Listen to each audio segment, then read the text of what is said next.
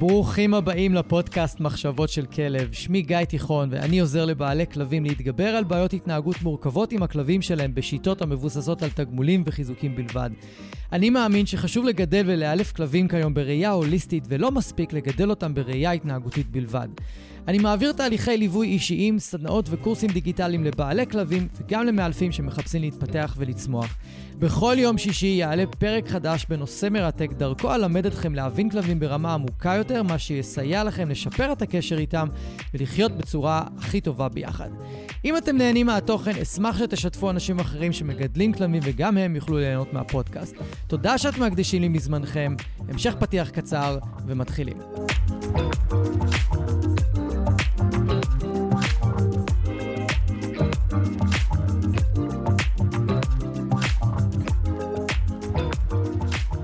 ברוכים הבאים, חברים וחברות, לפרק 138 בפודקאסט. הפרק היום הולך לעסוק בגורים, יותר נכון בתקופה מאוד ספציפית בשלב הגורות. אז אם יש לכם גור, הפרק הזה מאוד יעניין אתכם, והוא יעשה לכם הרבה סדר, ויעזור לכם להתמודד עם הנשכנות בתקופה הזאת. ואם יש לכם כלב בוגר, אני עדיין ממליץ לכם להישאר ולהקשיב, במיוחד אם אתם פשוט אוהבים ואוהבות ללמוד יותר על כלבים, להבין איך הם חושבים, מה עובר להם בראש, איך אה, דברים אחרים בחיים שלהם, דברים נוספים, יכולים להשפיע על ההתנהגות שלהם.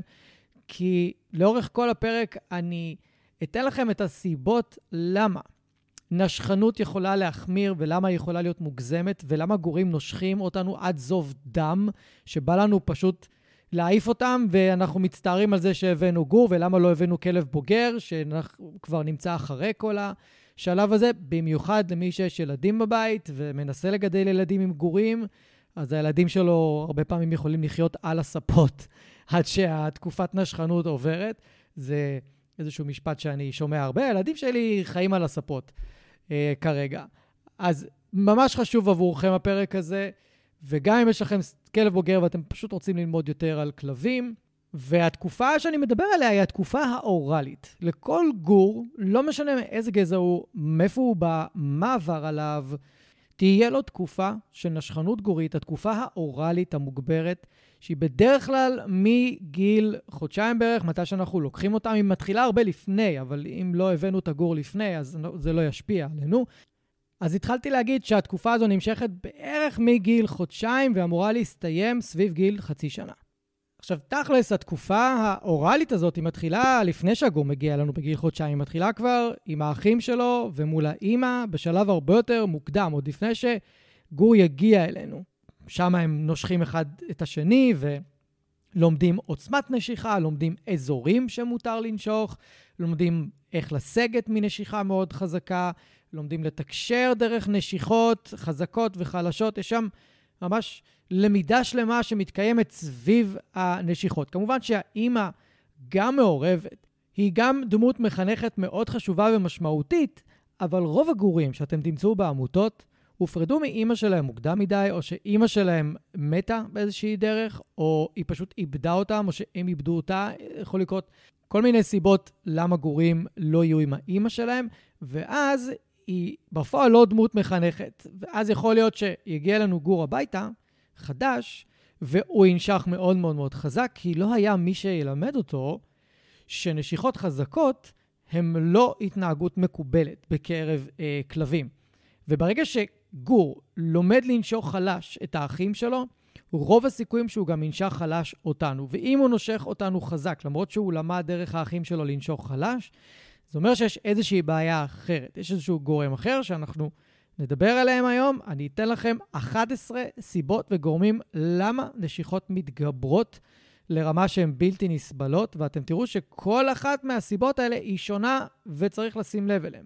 זאת אומרת שכשאני פוגש גור חדש, ואומרים לי שהוא נושך עד זוב דם, ופוצע, ועושה ממש חתכים בעור, וקורע בגדים כל הזמן, וקשה לחיות איתו, וקשה להסתדר איתו, והוא אפילו עונה ונובח על האנשים כשהם אומרים לו לא, או מנסים להיות תקיפים איתו, הוא ממש מתנגד להפסיק לנשוך אותם.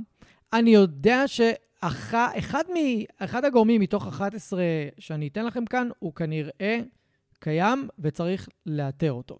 עכשיו, זה מזכיר לי שראיתי סרטון מאוד מעניין על זאבים, על אימא זאבה וגורים. עכשיו, אם הקשבתם לפרקים האחרונים, אתם יודעים שמה שאני אספר לכם עכשיו, הדוגמה מהסרטון, היא לא בהכרח מה שצריך לעשות עם גור כלבים. אוקיי? אז קחו את זה בערבון מוגבל, זה פשוט סיפור מעניין, זה סרטון מעניין, ולמען האמת, אחרי שראיתי את הסרטון הזה, אני מחפש חומר ספציפית על הנושא או על מה שראיתי בסרטון בהקשר של כלבים.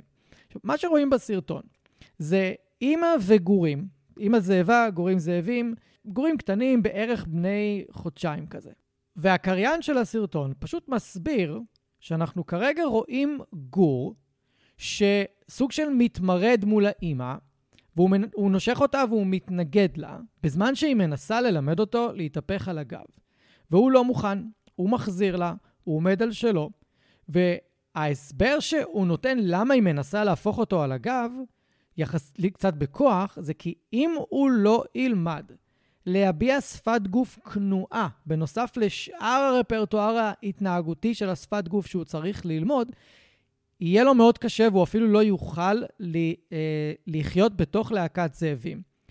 כי חלק מהתקשורת שבין זאבים היא להביע גם כניעה ולא רק להביע דומיננטיות. זה שלי, זה שלך, אתה עכשיו לא יכול לקחת את זה, אני רוצה את זה עכשיו. יש להם שפה תקשורתית ומבנה היררכי, מבנה משפחתי כזה, מאוד מורכב. יותר מורכב ממערכות יחסים בין כלבים לכלבים. ואני עושה הפרדה כי מערכת יחסים בין כלב לאדם היא שונה מאשר בין כלב לכלב. למרות שיש המון דמיון ומאוד קל להתבלבל ומאוד קל לייחס את, ה, את ההתנהגות בין כלב לכלב להתנהגות בין כלב לבן אדם. ורואים בסרטון את האימא ממש מתעקשת להפוך אותו על הגב, כי הוא לא מוכן לעשות את זה גם מול האחים שלו. זאת אומרת, הוא כל הזמן רוכן מעליהם, הוא כל הזמן משכיב אותם, מתבריון עליהם, וגור כזה, שהוא לא הראש של הלהקה, הוא לא האלפא. והרי בלהקת זאבים האלפא זה הזוג המרבה, זה הזכר והנקבה שהם הזוג המרבה, זה לא הזאב הכי חזק, או הנקבה הכי חזקה, זה לא עובד ככה בלהקת זאבים.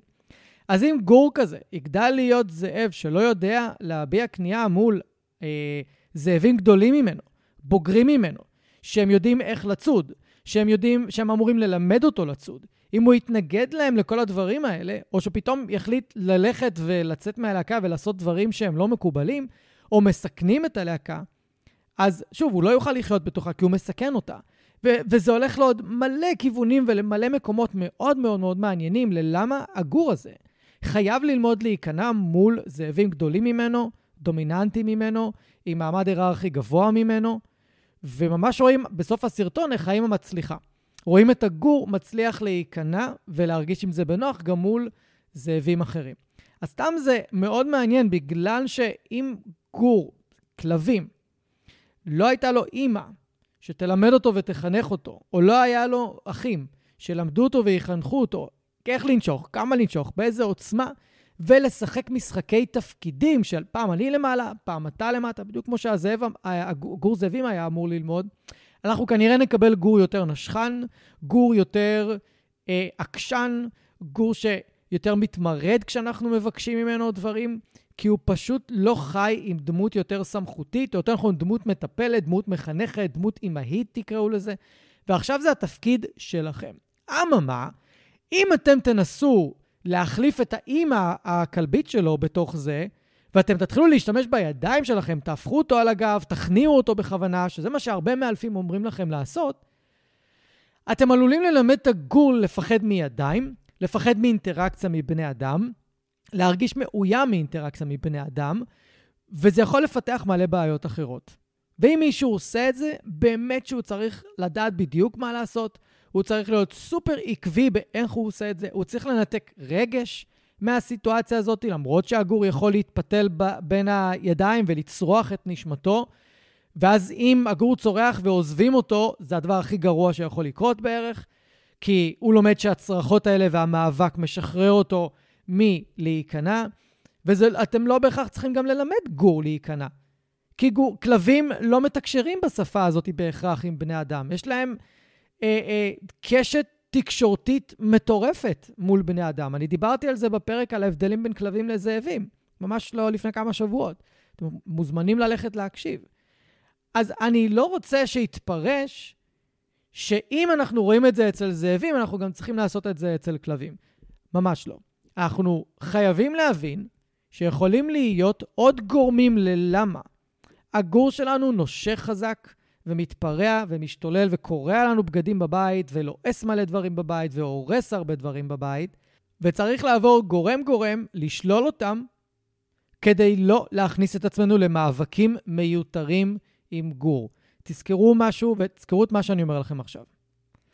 אפשר לכבות כלב בשלב מאוד מוקדם בחיים שלו.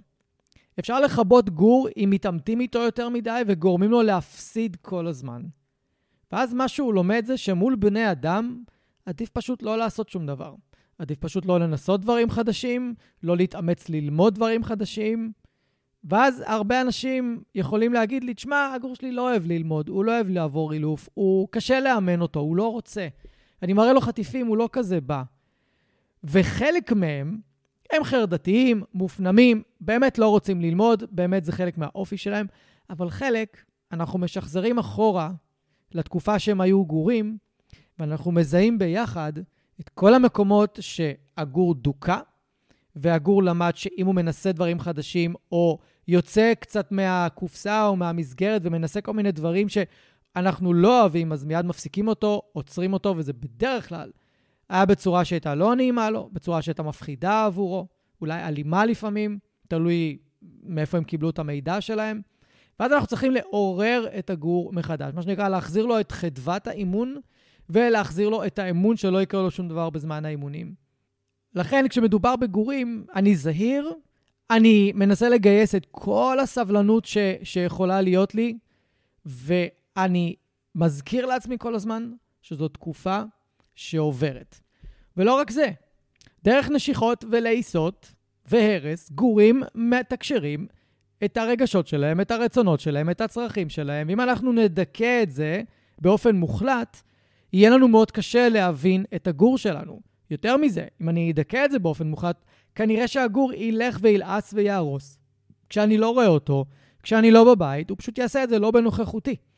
ואז אני מפסיד חלק תקשורתי מאוד משמעותי עם גור, ואני מפסיד אה, להבין אותו, מה עוזר לו, איפה קשה לו, איזה מצוקות יש לו. אני אתן לכם דוגמאות לאורך הפרק כדי שתבינו על מה אני מדבר. אז זאת אומרת שגורים מעבירים המון מידע דרך הנשיכות והלעיסות וההרס, אבל כמובן שאני רוצה למזער את זה למינימום, לצמצם את זה ולהפסיק את זה כמה שיותר מהר, במיוחד שזה הרס של הרהיטים שלי, או של הידיים שלי ושל הבגדים שלי. זה מזכיר לי יום אחד שישבתי בבית, עבדתי על המחשב בסלון, והכבל של החשמל של המחשב עבר מעל הגדר גורים של איזשהו גור שקראו לו נועם בזמנו אצלנו בבית, אבל אחר כך החליפו את השם שלו לברטי. הוא היום נמצא בבית שחולים לו על התחת בערך, והוא היה באותו זמן בתוך הגדר, והכבל עבר מעל הגדר גורים שלו. ופתאום המחשב שלי נחבא, אני לא מבין למה הוא נחבא. אני אומר, מה זה, הוא מחובר לחשמל, למה שתיגמר לי הסוללה? אני קולט שהכבל לעוס לגמרי, וזה היה פשוט הדרך של נועם, ברטי בזמנו, להגיד לי, אתה שומע? אתה צריך להוציא אותי מהכלוב, משעמם לי, אני אה, לא יכול להיות פה יותר. סתם, סיפור מעניין, זה קורה הרבה ב- בכל מיני דרכים, אנחנו נדבר על זה. ולפני שאנחנו נכנסים לכל הסיבות, ואז אחר כך אני אתן לכם כל מיני כלים איך אה, להתמודד עם הנשכנות וההרס, אני רוצה לגעת בנקודה שהיא מאוד מאוד מאוד חשובה בהקשר של נשכנות גורית. הרבה אנשים נבהלים מהתקופה הזאת. הם חושבים שאם הגור שלהם נושך כרגע, והוא נושך חזק ופוצע, אז הוא יהפוך להיות כלב תוקפן כשהוא יגדל. וזה פחד שקיים אצל המון המון בעלי גורים. אני הופתעתי לגלות כמה הפחד הזה קיים. ובא, ובאיזה אחוז גדול הוא קיים. אני חושב שהסיבה שהפחד הזה קיים באחוז גדול מבעלי גורים, זה כי פשוט שהם היו ילדים, לא הסבירו להם, ההורים שלהם, סבא וסבתא, שגידלו כלבים, לא הסבירו להם על התקופה הזאת ואיך לעבור אותה ומה המשמעות שלה. ויש הרבה אנשים היום שמגדלים כלבים בפעם הראשונה והם לא גדלו עם כלבים, אז המידע הזה בכלל לא קיים עבורם. הם צריכים ללכת וללמוד אותו. ויותר מדי אנשים מבחינתי לא עושים לעצמם הכנה לפני שהם מביאים גור. בדיוק כמו שהורים עושים לעצמם הכנה לפני שהם מביאים ילד. אז בעצם יש פה פער מאוד גדול בין מה שהתקופה האוראלית, שיכולה להביא איתה נשיכות מאוד חזקות ולא נעימות, מה היא באמת אומרת, לעומת איך שאנשים שמגדלים גורים תופסים את התקופה הזאת. אז הפרק הזה מאוד יעזור לכם לגשר את הפער, לצמצם אותו ולהרגיש הרבה יותר בנוח עם התקופה הזאת. אני כן אוסיף לכם פה ושם דגלים אדומים, שמבחינתכם, אם אתם רואים אותם, אתם חייבים לקבל עזרה מקצועית ואולי אפילו אבחון מקיף או אבחון שהוא מעבר. אם אתם רוצים לקבל ממש סיפור מקרה אמיתי של גורה שמההתחלה אני זיהיתי אצלה דגלים אדומים ואנחנו שלחנו אותה להמון בדיקות, אני מזמין אתכם להקשיב לפרק עם הסיפור של ביי. זה פרק 84, והוא ממש מתאר את השלבים שעברנו מגורה מאוד נשכנית, תוקפנית, כבר בגיל חודשיים, לכלבה שהיא היום מהממת, לעומת איך שהיא התחילה ואיך שהיום יש הבדל של שמיים וארץ.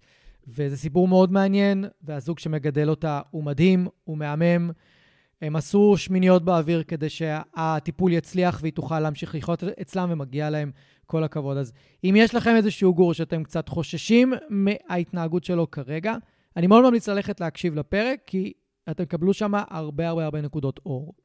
סיבה נוספת למה אנשים תופסים את התקופה הזאת בצורה הרבה יותר גרועה מאיך שאמורים לקבל אותה בפועל, זה כי מקשיבים לאנשים שהם חלקם היסטריים בעצמם לגבי התקופה הזאת, וחלקם פשוט חסרי ידע והבנה, והם מקבלים מידע מהאנשים הלא נכונים.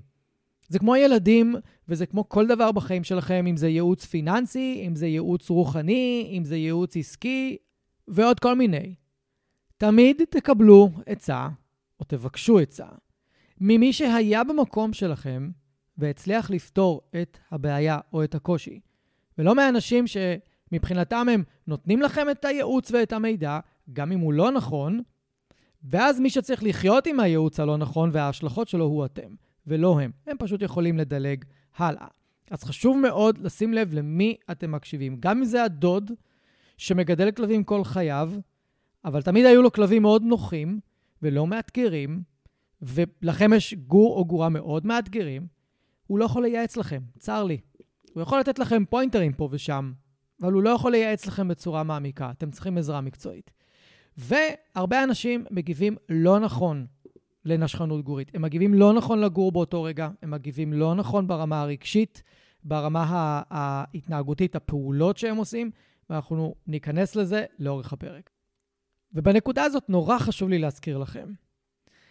אם אתם קוראים למאלף או קראתם למאלף או מאלפת, והסיבות לנשיכות היחידות שהם נותנים לכם זה כי הגור הוא דומיננטי, הגור מנסה לשלוט בכם, הגור מנסה לטפס בהיררכיה, הגור מנסה לה, להראות את המעמד שלו, וצריך להוריד אותו בהיררכיה, וצריך לטפל בזה.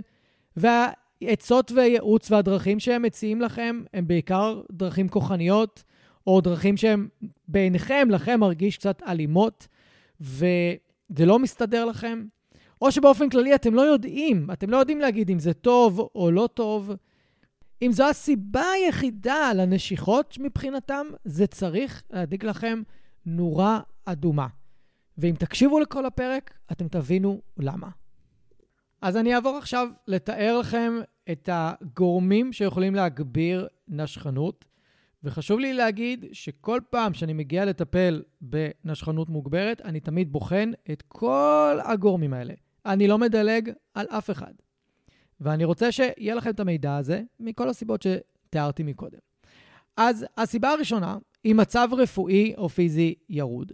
המון גורים, במיוחד אלה שמגיעים מעמותות וגם כאלה שמגיעים ממגדלים מסודרים. גורים נוטים יותר לחלות במחלות במערכת העיכול מכל מיני סיבות, בעיקר כי הם חדשים בעולם, הם מכניסים כל דבר לפה, בדרך כלל עושים שינויים תזונתיים יותר מדי פעמים בזמן שהם גורים, הם אוכלים אוכל אחד בבית גידול, אוכלים אוכל אחר בבית החדש, ולפעמים בבית החדש מחליפים להם מזון אה, אחרי חודש עוד פעם. ואלה דברים שמשפיעים מאוד על מערכת העיכול.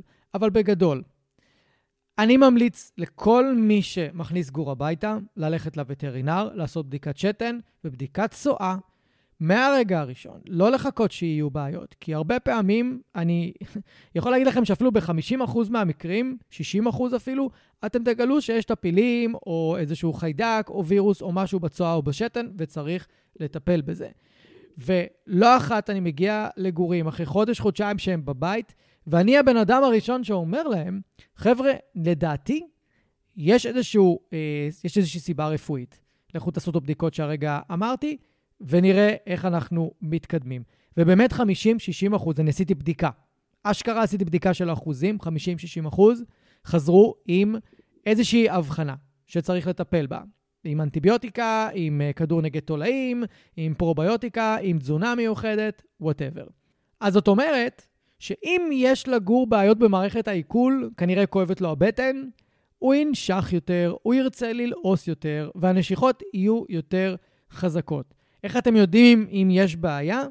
הקקי רך, מסריח, לעתים תכופות מדי, החבילות גדולות מדי, הגור מפליץ, הוא שואב את האוכל שלו כאילו הוא לא אכל שבוע, ולעיתים אפילו אנחנו רואים שקשה לגור להרי, לעלות במשקל.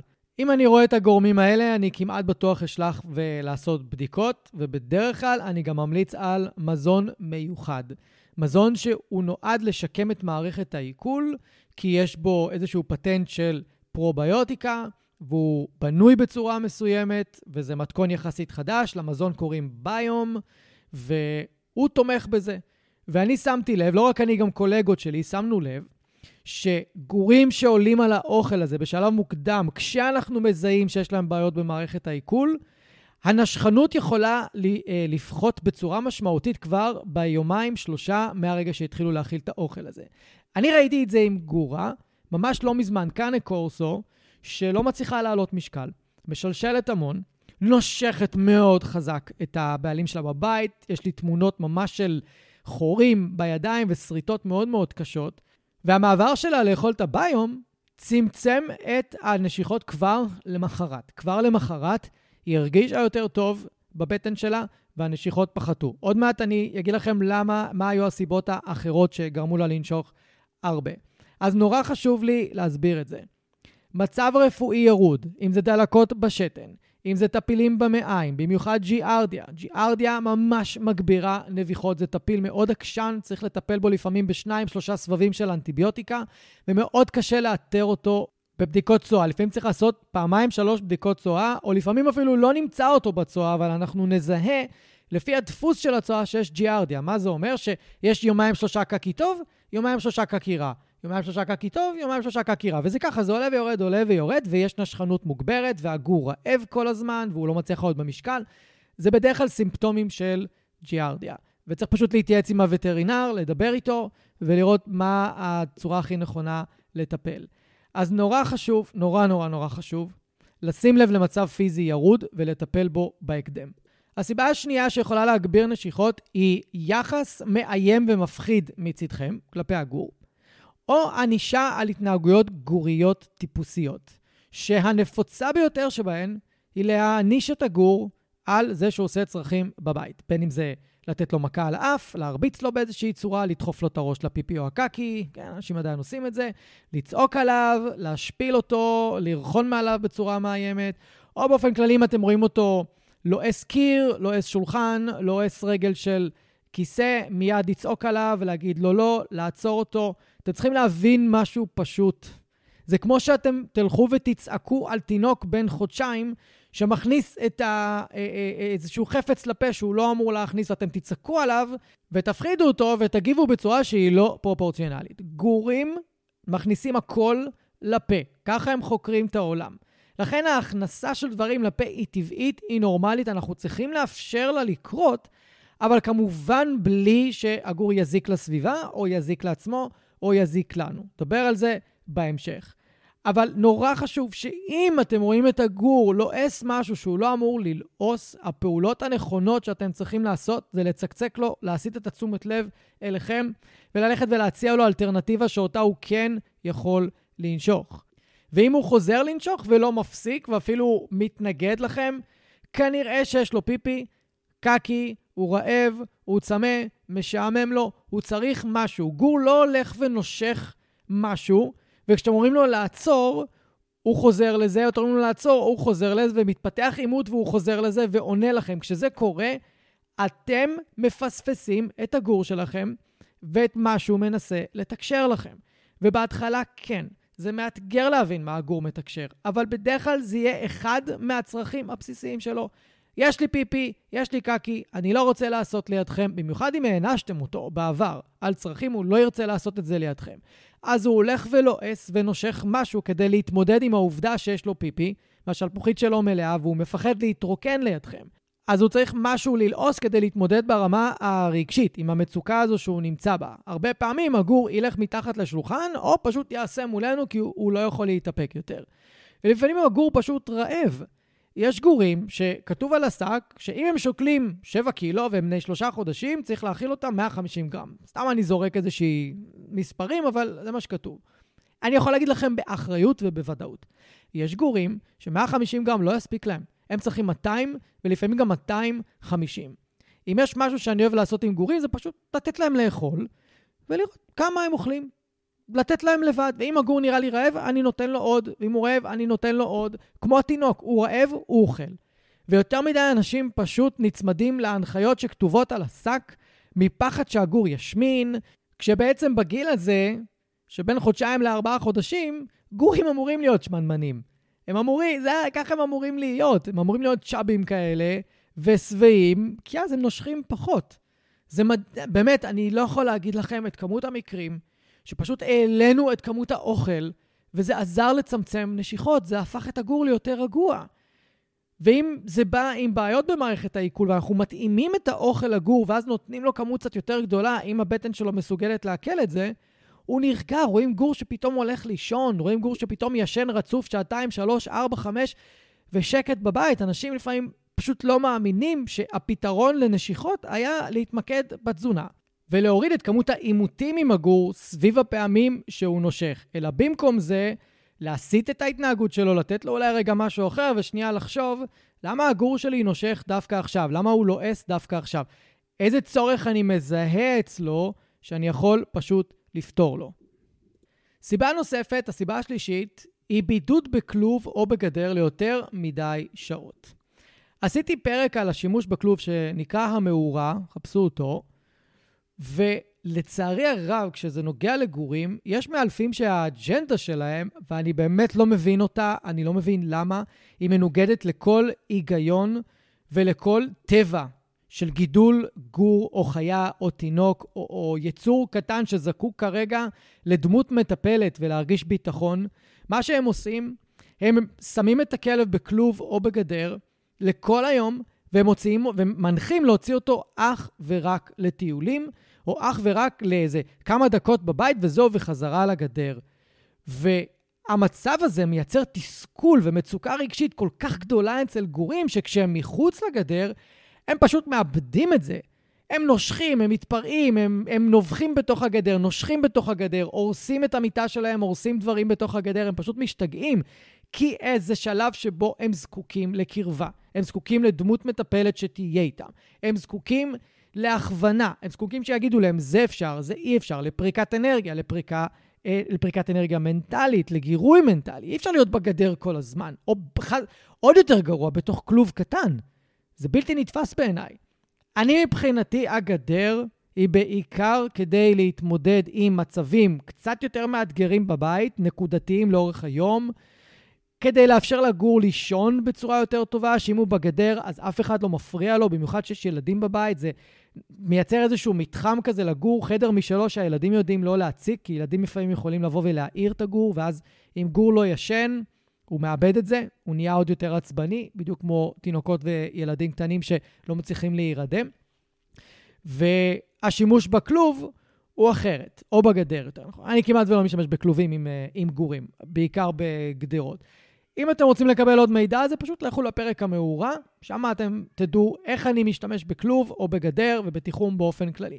ואם אתם אומרים לעצמכם כרגע, אבל גיא, אם אני לא אשים את הגור שלי בתיחום, אני לא אוכל לחנך אותו לצרכים, אז אני יכול להרגיע אתכם.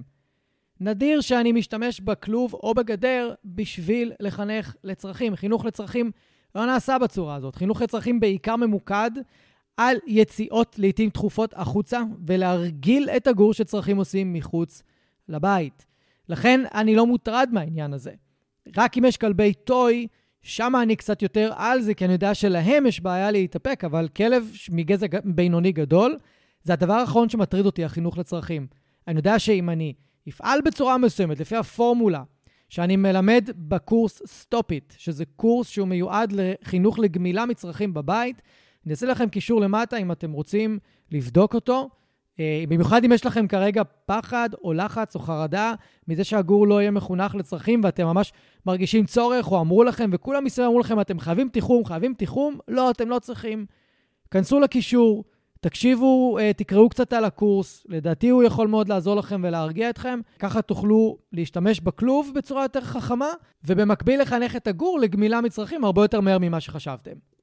ואני רוצה לעבור לסיבה הרביעית, שזה אילוף אגרסיבי למשמעת בסיסית כבר בשלב מאוד מוקדם. אני אגב לא יודע אם אתם שומעים, אתם לא יכולים לראות את זה, אבל עוזי הגור, יש לי גור חתולים, אה, אחד משניים, הצטרף אלינו פה, הוא פשוט יושב ליד המיקרופון, רוצה ליטופים ומגרגר, אני לא יודע אם אתם שומעים את הגרגור שלו, אבל זה נורא נחמד להקליט פודקאסט ובזמן הזה ללטף אה, גור חמוד.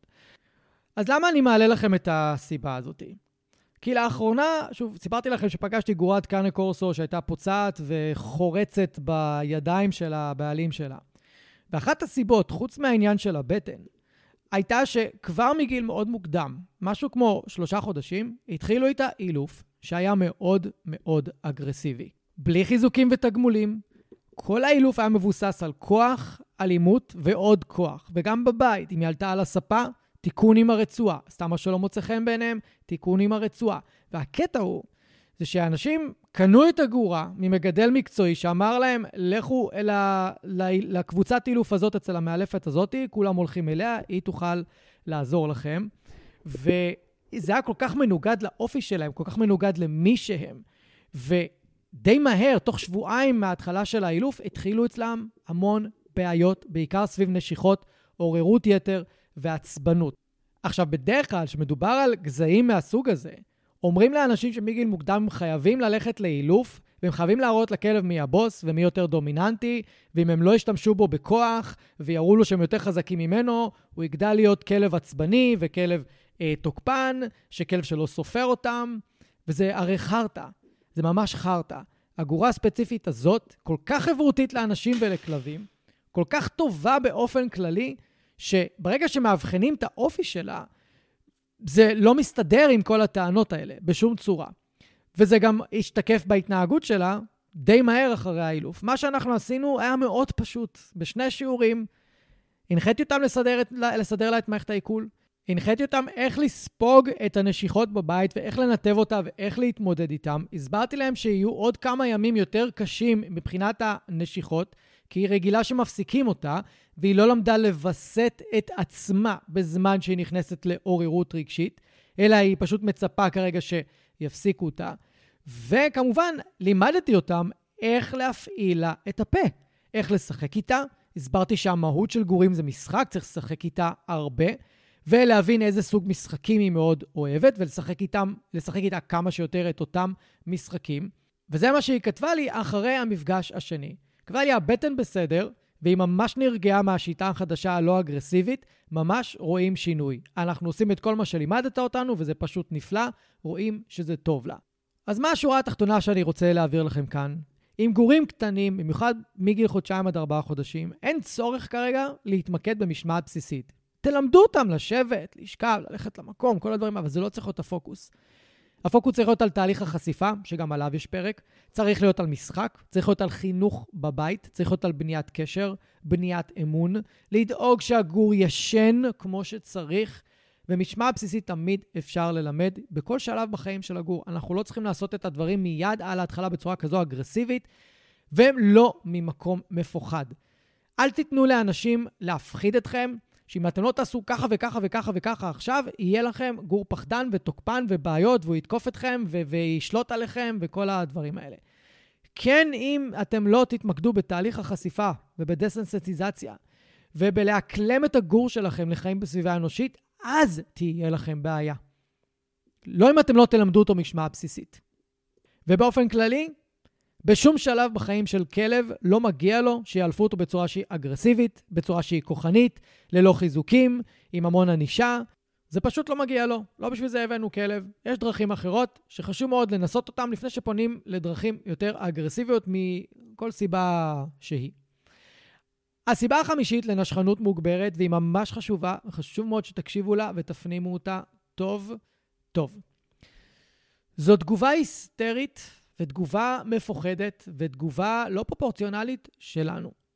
עכשיו, אני מבין, לפעמים הנשיכות הן מאוד חזקות והן מאוד כואבות והן מפחידות, במיוחד שהנשיכות מופנות כלפי הילדים, והם לא מצליחים להתמודד והם בוכים והם לא מוכנים לצאת מהחדר שלהם, והם מסתובבים על הספות ועל כיסאות והם לא מוכנים לרדת לרצפה. אבל חשוב להבין משהו. בין אם יש לכם ילדים או לא, זה לא משנה. במיוחד אבל אם אתם הורים זה מאוד חשוב. נורא נורא חיוני להגיב בהתאם. להגיב בצורה פרופורציונלית, להגיב בקור רוח, לנתק את הרגש, לנתק את כל הפחדים שלנו משם. אני יודע שזה קשה, אבל מה שעוזר לנתק את כל הדברים האלה זה להכניס את עצמנו טוב טוב לראש, שזו תקופה שעוברת, כל הגורים עוברים את התקופה הזאת, היא נורמטיבית, ואם לדעתכם הנשכנות היא מוגזמת, תתייעצו עם מאלף או מאלפת כדי שיעזרו לכם, ויעזרו לכם להיפטר מזה יותר מהר, ויצביעו אולי על איפה אתם מתנהלים לא נכון עם הגור, כדי להפחית את הנשיכות האלה. כי שוב, לנשכנות מוגברת ומוגזמת יש סיבה. היא לא מופיעה משום מקום. יש סיבה ואפשר לטפל ואפשר להפחית בדרך כלל די מהר. אז אם אני חוזר לסיבה הזאת של תגובה היסטרית שלנו ולא פרופורציונלית לסיטואציה, נורא חשוב ללמוד, וזה משהו שאפשר לבקש מהמאלף או המאלפת שמלווים אתכם. תלמדו אותי איך להגיב בקור רוח, איך להגיב נכון למצב שהגור עכשיו קופץ עליי, ונושך אותי, ולא עוזב אותי, וקורע לי את הבגדים, ותופס לי את המכנסיים, ותופס לי את השמלה, ורודף אחרי הילדים, והולך לספה, והולך לזה, ועכשיו מתחיל זומיז בכל הבית, מה לעשות? כי התגובה שאתם לא רוצים היא לצרוח עליו לא, ודי, ולרדוף אחריו, ולנופף באיזה צעצוע מולו, ולרדוף אחריו עם צעצוע או חטיפים. זה לא נכון להגיב ככה. צריך להגיב בצורה שהיא שקולה. וניכנס עוד מעט לאיך להתמודד עם כל הסיטואציות האלה. הדרך הכי נכונה היא בכלל לא להיות במצב של מגיבים, אלא במצב של פרואקטיביים. נדבר על זה אחר כך. פרואקטיביות היא הדבר שהכי יכול למנוע נשכנות מוגזמת בכל שלב, מכל סיבה שהיא. ממש בקצרה, פרואקטיביות אומר זה שאנחנו מגיבים לפני שהסיטואציה קורית, כי אנחנו זיהינו מה עומד לקרות לפני שזה קורה, אנחנו נותנים מענה לגור עוד לפני שהוא מתחיל עם הבלאגן. יש פרק שלם על פרואקטיביות, ממליץ לכם גם לגשת ולהקשיב לו, הוא יכול מאוד לשנות את הצורת חשיבה שלכם ואת התפיסה שלכם לגבי התנהגות וטיפול התנהגותי בבעיות בכלל, באופן כללי. הסיבה השישית שיכולה להגביר נשיכות זה תנועה מהירה בבית, והיא במיוחד ספציפית לגורים שאוהבים לרדוף ולתפוס. אז אם יש לכם כלב רועים, רועה גרמני, רועה הולנדי, רועה בלגי, אה, בורדר קולי, רועה אוסטרלי, כלפי, גם אה, אה, אה, טריירים, ג'ק ראסל, אפילו שנאוצרים, ועוד כל מיני גורים. אם אתם תלכו בבית עם שמלות מתנפנפות או עם שרוואלים מתנפנפים, חבל, כי הגורים יחוררו אותם, בוודאות. כל דבר שהוא מתנפנף וזז מהר מול הגורים האלה, הם מיד ירצו לתפוס את זה. זה היצר שלהם, זה חזק מהם, זה דרייב פנימי, זה דחף פנימי שמניע אותם להתנהגות הזאת. לכן הרבה פעמים עם גורים כאלה, אני כמעט בוודאות אמליץ על תיחום כדי לבודד אותם מסיטואציות כאלה, ואני כבר יעבוד איתם מגיל מוקדם על אה, אדישות לתנועה בבית. במיוחד אם זה בורדר קולי עם ילדים בבית למשל. אחרת, אם יש לו אה, יצר ראייה גבוה מדי, הוא יכול פשוט להתחיל לראות את הילדים בבית. או אם יש לכם חיות אחרות כמו חתולים או כלבים קטנים, הוא יכול לראות אותם. אם זה רועה גרמני או רועה בלגי, הם פשוט ילכו וינשכו את העקבים שלכם ואת הרגליים שלכם המון, כי פשוט אתם זזים להם מול העיניים. הפתרון המיידי הכי פשוט, הכי אפקטיבי עם גורים כאלה, זה המון משחק, המון הפעלה של יצר הרדיפה והתפיסה וכל מה שקשור ליצר ציד, הפרדה לגדר גורים, ולעייף אותם, להביא אותם למצב שהם עייפים כדי שהם ילכו לישון ויוכלו להתעלם מהסביבה שלהם. לא תעשו את זה, אתם תהיו בבעיה. כי אם אתם תחכו שהגור ינשך, ואז תנסו לנתב אותו למשהו אחר, במיוחד אם זה כלב רועים, הוא ילמד את הפטנט מאוד מהר. אם אני נושך אתכם, אתם נותנים לי משהו אחר שיספק אותי, ואם אני נושך אתכם, אני מקבל עוד משהו, אז שווה לי לנשוך אתכם. לכן גם במקרה הזה, פרואקטיביות היא מאוד חשובה, של בניית שגרת יום נכונה, כמות משחק נכונה, פריקת אנרגיה נכונה, ועוד כל מיני אה, דרכים שנדבר עליהם תכף. הגורם הנוסף שיכול להגביר לעיסות, נשיכות והרס בבית באופן כללי זה בידוד בבית עד סיום החיסונים. אני עדיין מופתע תמיד מחדש שיש וטרינרים שממליצים ומנחים לחכות לחיסון השלישי של המשושה עד שאפשר להוציא את הגור מהבית. זה פשוט הזיה בעיניי. כי זה אומר שעד גיל ארבעה חודשים כמעט, הגור לא נחשף לעולם. בדיוק בתקופה הקריטית של חייו, בחלון ההזדמנויות היחיד של חייו, שאפשר להעביר אותו סוציאליזציה, הוא מבודד בבית.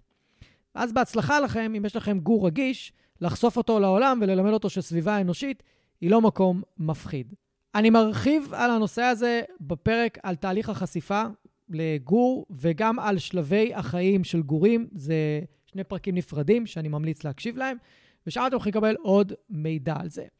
אבל ברגע שמבודדים את הגור בבית והוא לא פורק מספיק אנרגיה, הוא לא יוצא החוצה ונחשף לגירויים חדשים, לריחות חדשים, והוא מריח ועושה דברים של כלב, מתנהג כמו כלב, אלא הוא יותר נמצא בבית, הוא תלוי בכם ב-100% לפריקת אנרגיה, לעניין ולכל דבר אחר.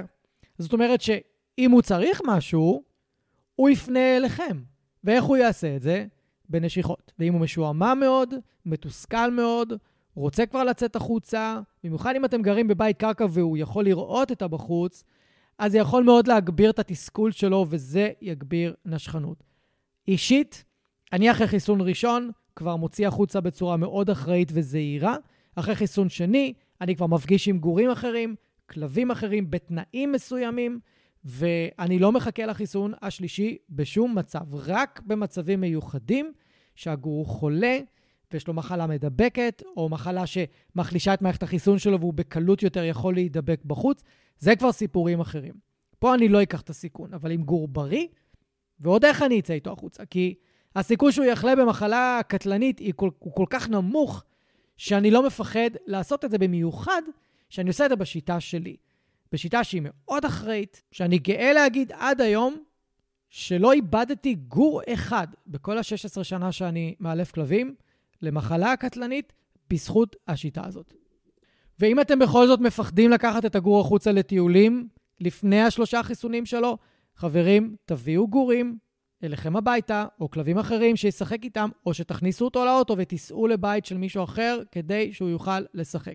או לפחות קחו אותו איתכם על הידיים למלא מקומות כדי שהוא יוכל לספוג, כדי שהוא יוכל לראות, כדי שהוא יוכל באיזושהי צורה אולי קצת לפרוק אנרגיה, ואולי גם אצלכם ישתחרר איזה משהו, ואתם כן תניחו אותו על הרצפה, או תיתנו לו פה לשחק עם כלב, שמה להגיד שלום לאיזה בן אדם, שהוא יוכל לעבור איזשהו תהליך סוציאליזציה אה, מינימלי.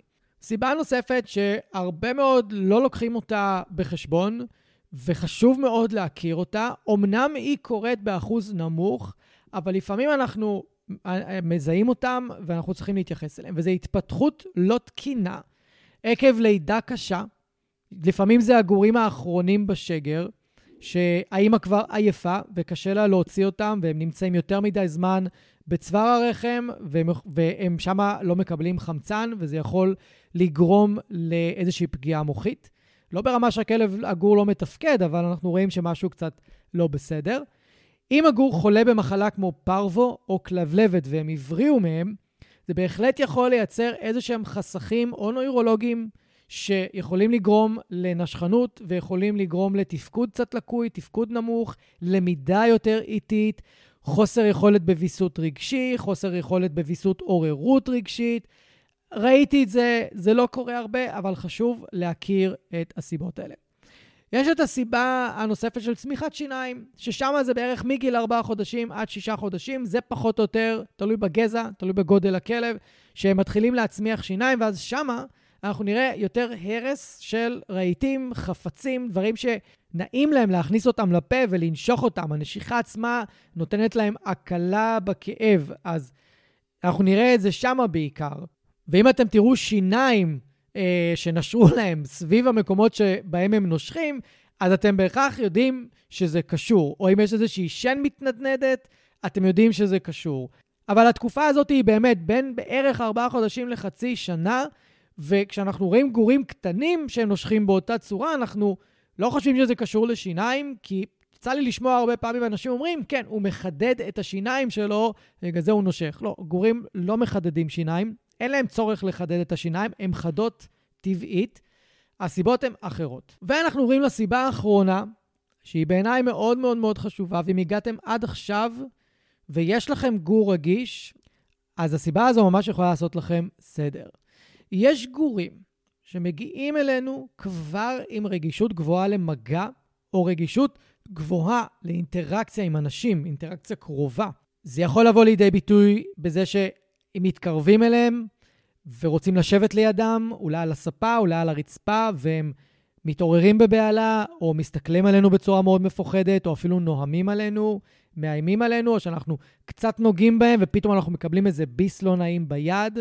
יש כל מיני סימנים לאיך גור מבטא את החוסר רצון שלו שיגעו בו כרגע, או שייתנו לו ספייס. ואני פוגש לא מעט גורים כאלה, שאני רואה את הסימפטומים של הרגישות שלהם כבר בשלב מאוד מוקדם, אבל מצד שני, האנשים שמגדלים את הגורים פשוט לא מודעים לזה, הם לא מכירים את הנושא הזה של הרגישות הגבוהה הזאת. אז הם מתיישבים ליד הגור במין חוסר אה, מודעות, פשוט נוחתים לידו, נוגעים בו במפתיע, מנסים להרים אותו מבלי שהוא רוצה, אה, מנסים לגעת בו בכל מיני דרכים שפשוט לא נעימות לו, או נוגעים בו ומלטפים אותו ללא האישור שלו, ללא הזמנה מצידו. ואני גם יודע מה עובר לכם בראש שאתם שומעים את זה, כאילו, אתם חושבים, בשביל מה הבאתי גור? גיא, אני רוצה ללטף אותו, אני רוצה לגעת בו, אני רוצה לשחק איתו, אני רוצה לעשות איתו דברים. אני מבין אתכם. אני מבין שאתם רוצים לעשות את הדברים האלה, אבל לכל דבר יש את הזמן שלו. וגורים לא נולדים שהם אוהבים מגע אנושי. יש גזעים ספציפיים שכן, אם זה, בו, אם זה לברדור, גולדנים, או קוולירים, או פודלים אפילו, אבל אם זה גור מדברי שהגיע לכם מהצפון או מהדרום, ואתם לא יודעים מה עבר עליו, והוא נראה כמו כלב אה, כנעני עמותות טיפוסי כזה, אז קחו בחשבון שמגע, או אהבה למגע, חיבה למגע, רצון למגע, זה לחלוטין משהו שגור כזה צריך ללמוד לאהוב וליהנות ממנו. הוא לא בא עם זה בילד אין בתוך הגנטיקה שלו. לזכור שאנחנו לא יצרנו את הכלבים האלה. זה כלבים שהם מה שנקרא יותר טבעיים, כלבים יותר פרועים, באלף. אנחנו צריכים ללמד אותם המון דברים ש... גזע שאנחנו יצרנו, שיצקנו לתוך ה-DNA שלו כבר תכונות מסוימות, ולא צריכים לעשות איתם את התהליכים האלה עם גורים מדבריים, גורים רגישים אנחנו כן צריכים. עכשיו, זה לא אומר שגורים מתועדים, גזעיים מבתי גידול מסודרים, אין להם בעיות כאלה. יש, אני מכיר פודלים כאלה, פגשתי גולדנים כאלה, פגשתי שנאוצרים כאלה, אקיטות כאלה. מכל הגזעים אני פגשתי, או לפחות מהרבה, לא מכולם. וזה אומר שאני חייב להתנהל עם גורים כאלה בדיוק כמו שאני אתנהל עם גור מדברי. אז חשוב מאוד לזהות האם יש לגור שלי קושי בקבלת מגע וקושי בכניסה למרחב האישי שלו. ואם כן, אני יודע שאני חייב לעבוד על זה בצורה מסודרת, אני חייב לפתח מודעות לאיך אני זז, אה, איך אני מתנהג, איך אני מזיז את הידיים שלי, איך אני מתיישב, איך אני הולך ליד הגור. ואם אני עושה את זה, סביר להניח שאני אעזור לגור לפתח אמון יותר מהר בי, ואז הוא ייתן לי ללטף אותו ולגעת בו ולהיכנס למרחב האישי שלו יותר מהר. אבל מי שלא מוכן לקבל את זה, ויוצא מנקודת הנחה שלו, אני הבאתי את הגור, הוא יעשה מה שאני אומר לו, הוא צריך לרצות אותי פה, הוא צריך להגשים את הפנטזיות שלי, הוא פה בשבילי. עצר לי, אז אתם לא הולכים ליהנות מהגור, הוא לא הולך ליהנות מכם, והולך להיות לכם קשה מאוד ביחד, לאורך תקופה מאוד ממושכת, כנראה עד שהוא יתבגר. אבל אם אתם תעשו את זה, כבר מההתחלה, תהיו רגישים ותהיו במודעות, סביר להניח שהדברים ישתפרו הרבה יותר מהר ממה שאתם אה, חשבתם מלכתחילה. אני בקרוב אעשה לכם פרק מיוחד על הגורים שיש להם את הקושי במגע ואיך אנחנו עוזרים להם, וגורים שיש להם קושי להסתגל לחיים בסביבה האנושית, איך אנחנו מפרקים להם את ההתאקלמות ככה שיהיה להם יותר פשוט. אני אעשה לכם פרק שלם על זה, זה נושא מרתק לחלוטין, הוא נושא בפני עצמו כשמלמדים בבתי ספר למאלפים, לפחות הבתי ספר שאני ממליץ עליהם. הסיבה האחרונה, שאני אציין ממש בקצרה, והזכרתי אותה מקודם, אבל אני רוצה רגע לתת לה כותרת משלה, זה רעב. אני אזכיר ממש בקצרה. מה שכתוב על השק שצריך להאכיל גורים הוא המלצה בלבד. זה לא אומר שזה מה שכתוב, אם זה מה שכתוב, זה מה שאתם מאכילים. אם הגור נראה רעב ומבקש עוד אוכל, תנו לו עוד אוכל. אל תפחדו מהשמנה. תמיד אפשר להוריד את זה אחר כך. גם ככה, ככל שהגור גדל, כמויות ההאכלה יורדות. אז אנחנו תמיד יכולים לאזן את זה. ואם הגור עושה מספיק פעילות, אז הוא בכלל אין בעיה של השמנה. הוא הרי יוציא את כל האנרגיה שלו בפעילות עצמה. ואם הוא עושה יותר פעילות, הוא צריך יותר קלוריות, הוא צריך יותר אוכל. וגם ככה אוכל יבש הוא אוכל שקשה לעיכול, הוא אוכל שהוא לא תמיד מותאם לגורים, הוא אוכל שהוא יכול גם להכביד להם על מערכת העיכול, לעשות להם הרבה קקי, אז... וזה בכלל בעיה בפני עצמה. גור שיש לו מלא קקי, אז הוא יהיה עצבני הרבה פעמים, וירצה להתרוקן הרבה פעמים, אז הוא ינשך הרבה פעמים. זה גם עוד איזה נושא כזה שאפשר להבין אותו מתוך הסיבות שאני ציינתי. אז אם אני רוצה לתת לגור יותר אוכל, אבל אני לא רוצה להעמיס עליו באוכל יבש, זאת תהיה העדפה שלי, כי אני יודע שזה יכול להכביד על מערכת העיכול, אני פשוט אוסיף אוכל טבעי. אני יכול להוסיף לו חזה עוף, סלמון, חזה הודו, ביצים, פשוט אני אוסיף לו חלבון מן החי. אני לא אוסיף פחמימות, אני לא אוסיף קטניות, זה בטח לא, ולירקות אין ערך אצל, עבור כלבים. אני אוסיף פשוט בשר, חלבון מן החי, ואני אתן את זה בארוחה נפרדת, או שאני אתן את זה כחטיפים בחוץ, תלוי מאוד איך אני עובד עם הגור ואיזה שגרת יום אני מייצר, ועל מה אני צריך להתאמן איתו, והאם בחוץ אני צריך חיזוק, חיזוקים חזקים כי קשה לו להתרכז בי, יש לזה כל מיני אה, גורמים וסיבות, אבל אני אוסיף לו פשוט חלבון מן החי. אז אני רוצה לסכם לכם רגע את כל הסיבות, כי ציינתי כאן 11 סיבות לנשכנות גורית. וכרגיל, לא תכננתי נכון את הפרק. הגענו ל-50 דקות, קצת יותר אפילו, ואז אני אחלק את זה לשניים. אני אשאיר אתכם במתח. הפרק הבא הולך להיות על איך להתמודד, לנהל ולהגיב לנשכנות גורית מוגזמת. וכרגע אני אעשה לכם סיכום. אז הסיבה הראשונה שדיברנו עליה, היא הייתה מצב רפואי או פיזי ירוד. הסיבה השנייה, יחס מאיים ומפחיד, או ענישה על התנהגות גורית. זאת אומרת, כניסה לעימותים עם הגור על התנהגויות אה, טבעיות. בידוד בכלוב ובגדר לשעות ארוכות במהלך היום. אילוף אגרסיבי למשמעת בשלב מאוד מוקדם. תגובה היסטרית שלנו, במיוחד סביב ילדים, על הנשיכות. תגובה שהיא לא פרופורציונלית. תגובה רגשית, הכוונה. תנועה מהירה בבית, במיוחד לגורים שאוהבים לרדוף ולתפוס. בידוד בבית עד סיום החיסונים. אה, סיבה נוספת זה התפתחות לא תקינה עקב לידה קשה או מחלות כמו פרוו וכלבלבת. כמובן, צמיחת שיניים. רגישות גבוהה למגע או לאינטראקציה עם אנשים, עם גורים מדבריים כאלה. והסיבה האחרונה היא רעב.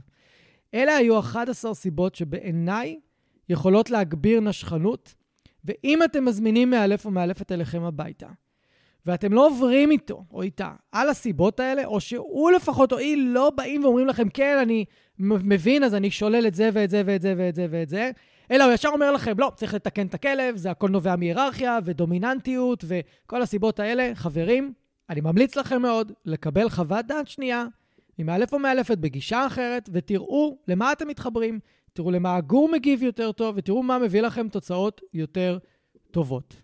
אנחנו נתראה שבוע הבא, בחלק השני, בהמשך, שיהיה מרתק לא פחות. אני מאחל לכם שנה אזרחית טובה. אני מאחל לכם שהשנה הקרובה תהיה טובה יותר, מהנה יותר, מאושרת יותר משנת 2023. אני בהחלט מאחל את זה לעצמי. 2023 הייתה שנה לא פשוטה עבורי, ואני מאחל לכם גם רק טוב, שיהיה לכם כיף עם הכלבים שלכם. תזכרו שהם לא עושים לכם דווקא. הם לא פה כדי לשלוט בכם. הם לא פה כדי להשתלט לכם על החיים. הם פה כדי ליהנות יחד איתכם מהעולם וממה שיש לו להציע, וזה תלוי בכם. לאיזה כיוון אתם רוצים לקחת את מערכת היחסים שלכם איתם. שיהיה לכם אחלה שבוע בינתיים, יאללה ביי. אני רוצה להגיד לכם שוב, תודה רבה שהאזנתם. אם אהבתם ואם נהניתם, אז שתפו חברים, שתפו מכרים, בעלי כלבים, תעזרו לי להפיץ את הפודקאסט הזה, אני מאוד מאוד אשמח. ותעשו פולו, כדי שהאפליקציה האהובה שלכם תודיע לכם. יום שישי היום, יש עוד פרק בפודקאסט מחשבות של כלב, ואני אפתיע אתכם עם נושא חדש ופרק חדש. אז אני מקווה שנהניתם היום, היה לי מאוד כיף לארח אתכם. אנחנו נתראה עוד שבוע, תהיו טובים לכלבים שלכם, תהיו טובים לעצמכם, ושיהיה לכם אחלה של סוף שבוע.